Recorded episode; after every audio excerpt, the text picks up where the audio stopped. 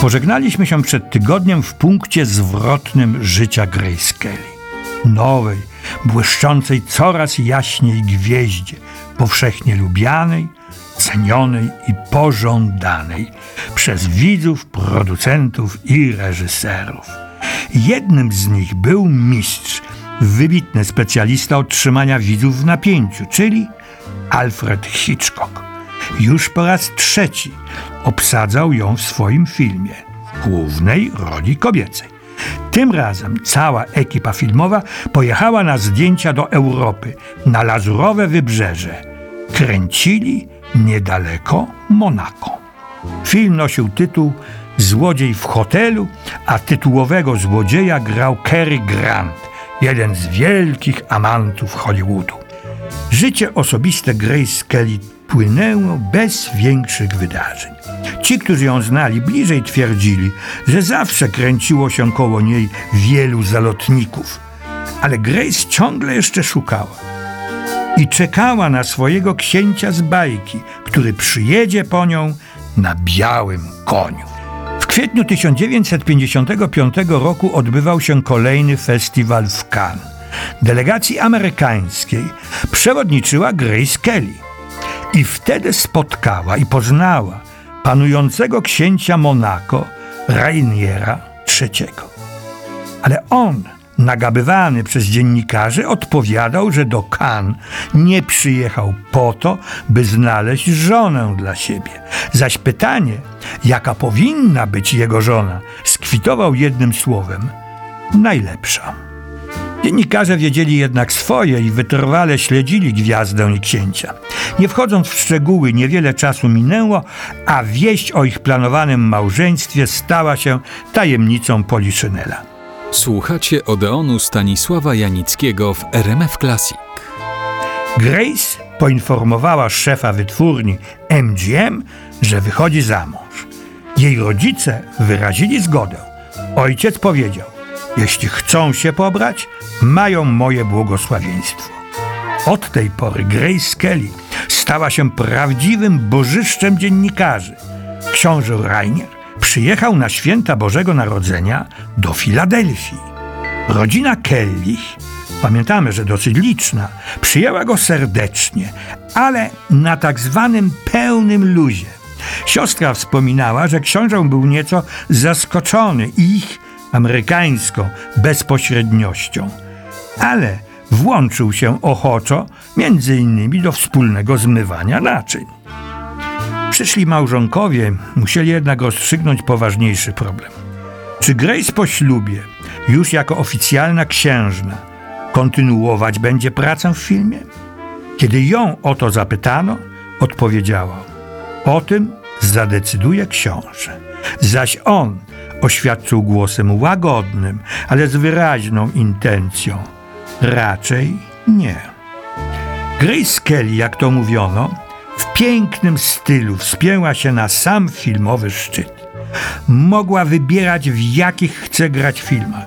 Z myślą o niej wytwórnia kupowała scenariusze i planowała produkcję.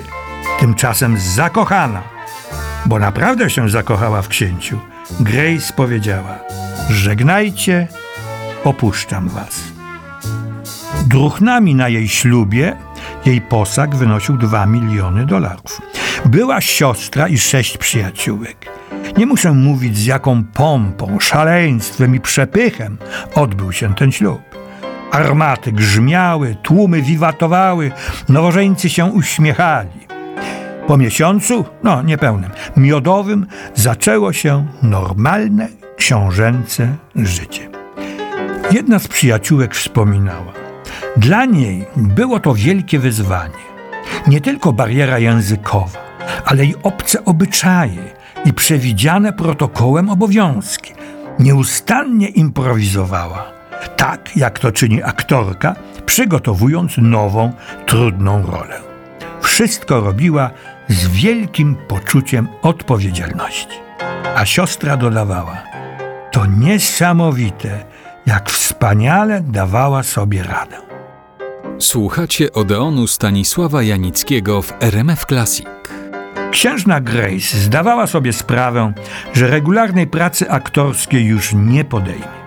Ale ze sztuką nie zerwała.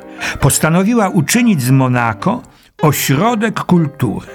Doprowadziła do zbudowania teatru, Teatr Princess Grace. Po występach w Monte Carlo słynnego baletu rosyjskiego Diagilewa powołała do życia szkołę baletową.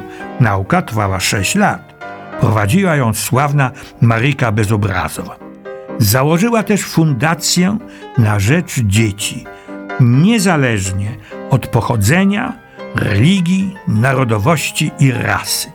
Córka Grace, Karolina, jest od lat prezesem tej pozarządowej organizacji.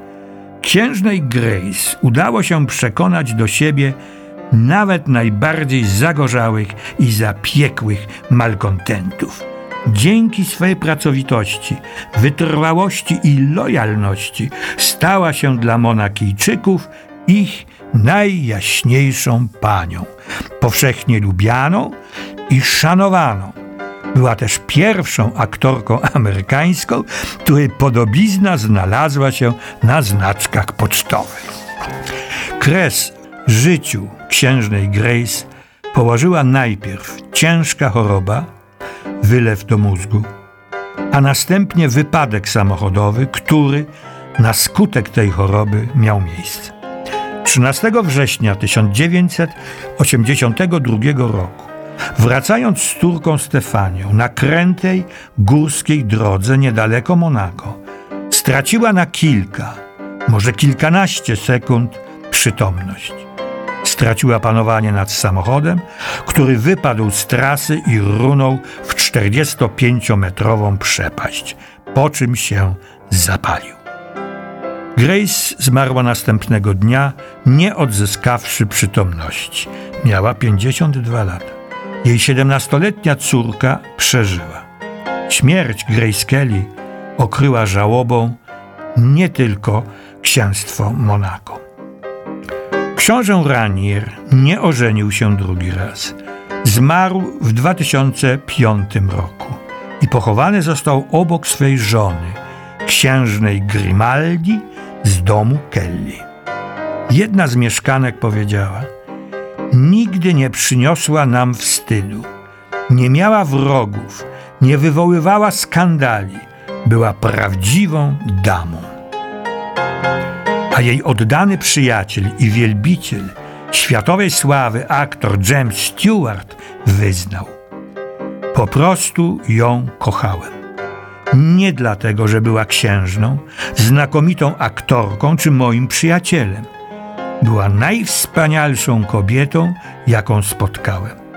Ilekroć ją widziałem, wnosiła Grace do mojego życia łagodne, ciepłe światło. Każda chwila, kiedy ją spotykałem, była dla mnie niezwykłym świętem. Bez wątpienia tęsknię za nią. Wszyscy za nią tęsknimy. Niech Bóg ma cię w opiece. Księżno Grace.